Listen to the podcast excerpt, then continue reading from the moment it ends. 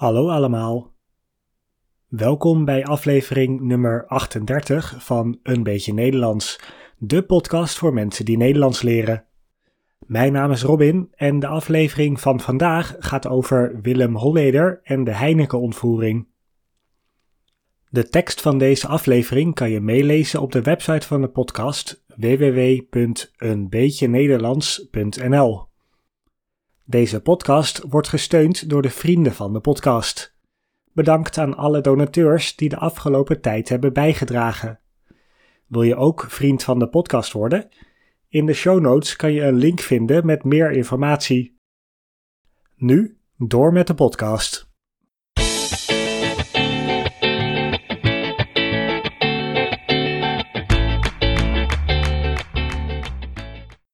In de vorige aflevering heb je kunnen horen over misdaad en straf in Nederland.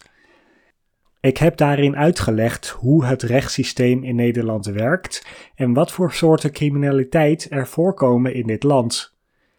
Ik wilde graag nog een aflevering maken over criminaliteit in Nederland, waarbij ik het deze keer ga hebben over de meest bekende en beruchte crimineel van Nederland. De man waar ik het over ga hebben is Willem Holleder.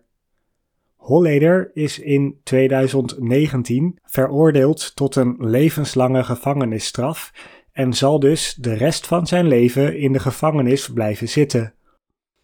De gevangenis is een bekende plek voor Holleder, want hij is in zijn leven al een aantal keer eerder veroordeeld tot gevangenisstraffen. Waarom zal je zo direct horen. Holleder is geboren in 1958 in Amsterdam, in de volksbuurt de Jordaan. De bijnaam van Holleder is de neus, vanwege zijn grote neus. Naast een grote neus heeft Holleder ook een opvallend Amsterdams accent. Als tiener kwam Holleder al meerdere keren in aanraking met de politie als onderdeel van een criminele bende waar ook jeugdvriend Cor van Hout onderdeel van was. Cor van Hout en Holleder hebben samen op school gezeten. Cor van Hout zou later trouwen met de zus van Holleder, waardoor hij Holleders zwager werd. De jongens hielden zich bezig met rottigheid, zoals geweld en overvallen, maar waren niet bekend als zware criminelen. In 1983 maakt heel Nederland kennis met Holleder en Van Hout.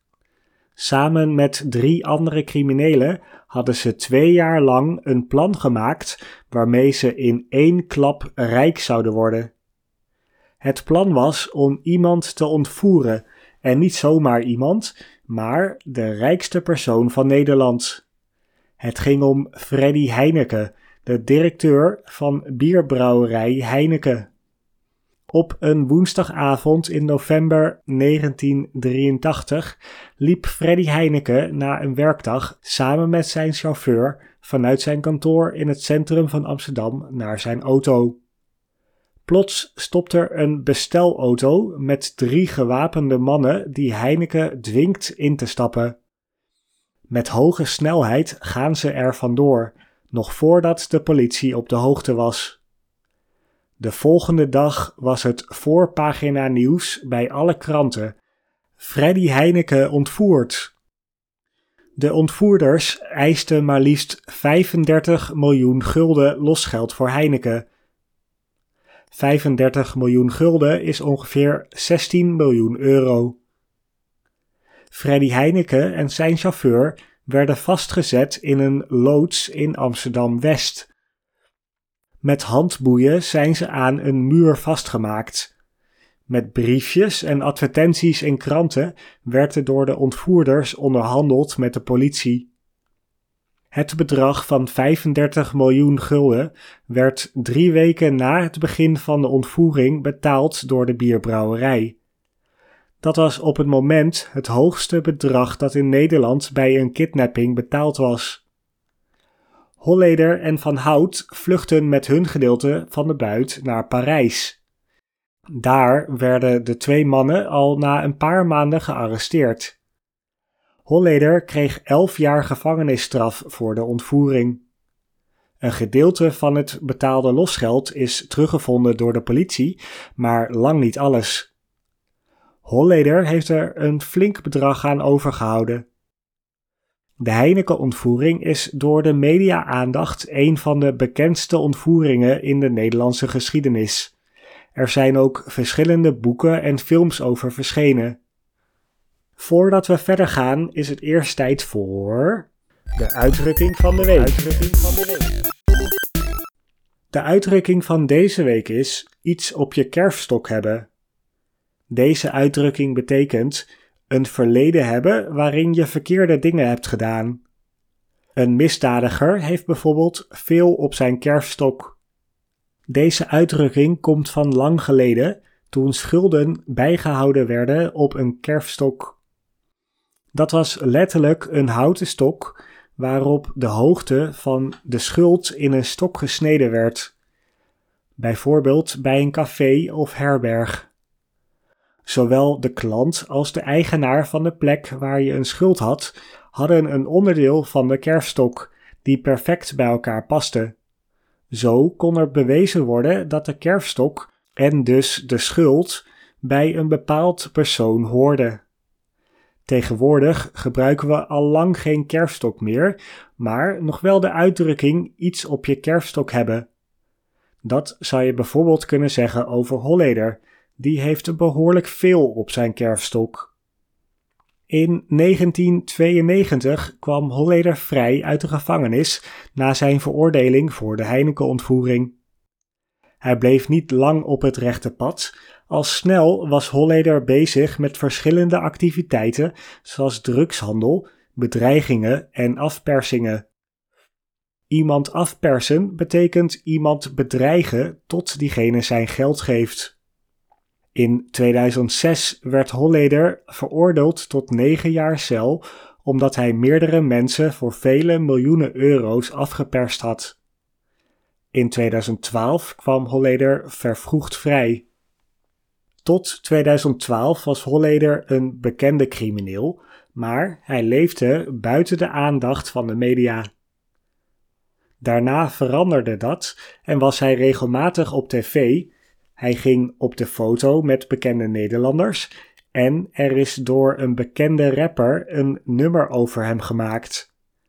Opmerkelijk voor iemand die meerdere keren veroordeeld is voor ernstige misdrijven.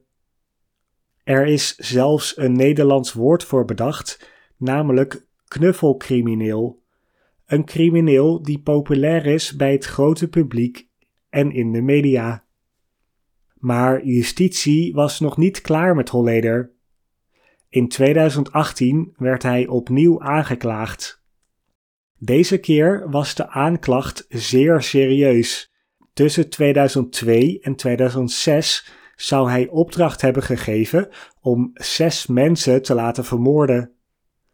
Slachtoffers waren rivalen van Holleder en criminele zakenmannen waar Holleder ruzie mee had. Een van de zes vermoorde personen was zijn zwager Cor van Hout, waarmee hij in zijn jeugd bevriend was geweest en samen mee de Heineken-ontvoering gedaan had. De rechtszaak van Holleder heeft jaren geduurd, omdat het een complexe zaak was en er veel getuigen gehoord moesten worden. Opmerkelijk was dat twee zussen van Holleder ook getuigd hebben tegen Holleder. Hier heeft een van de zussen van Willem, Astrid Holleder, een bekend boek over geschreven, genaamd Judas. In 2019 werd Holleder veroordeeld tot een levenslange gevangenisstraf, de zwaarste straf die we in Nederland kennen. Hij zit vast in de strengst beveiligde gevangenis van Nederland, de zogenaamde extra beveiligde inrichting. Daarmee kom ik aan het einde van deze aflevering van Een beetje Nederlands. Een beetje Nederlands wordt mogelijk gemaakt door de vrienden van de podcast. Ga naar de website om ook vriend van de podcast te worden en daarmee mij te steunen bij het maken van deze podcast. Bedankt voor het luisteren. Ik hoop dat je een beetje Nederlands geleerd hebt en tot de volgende aflevering.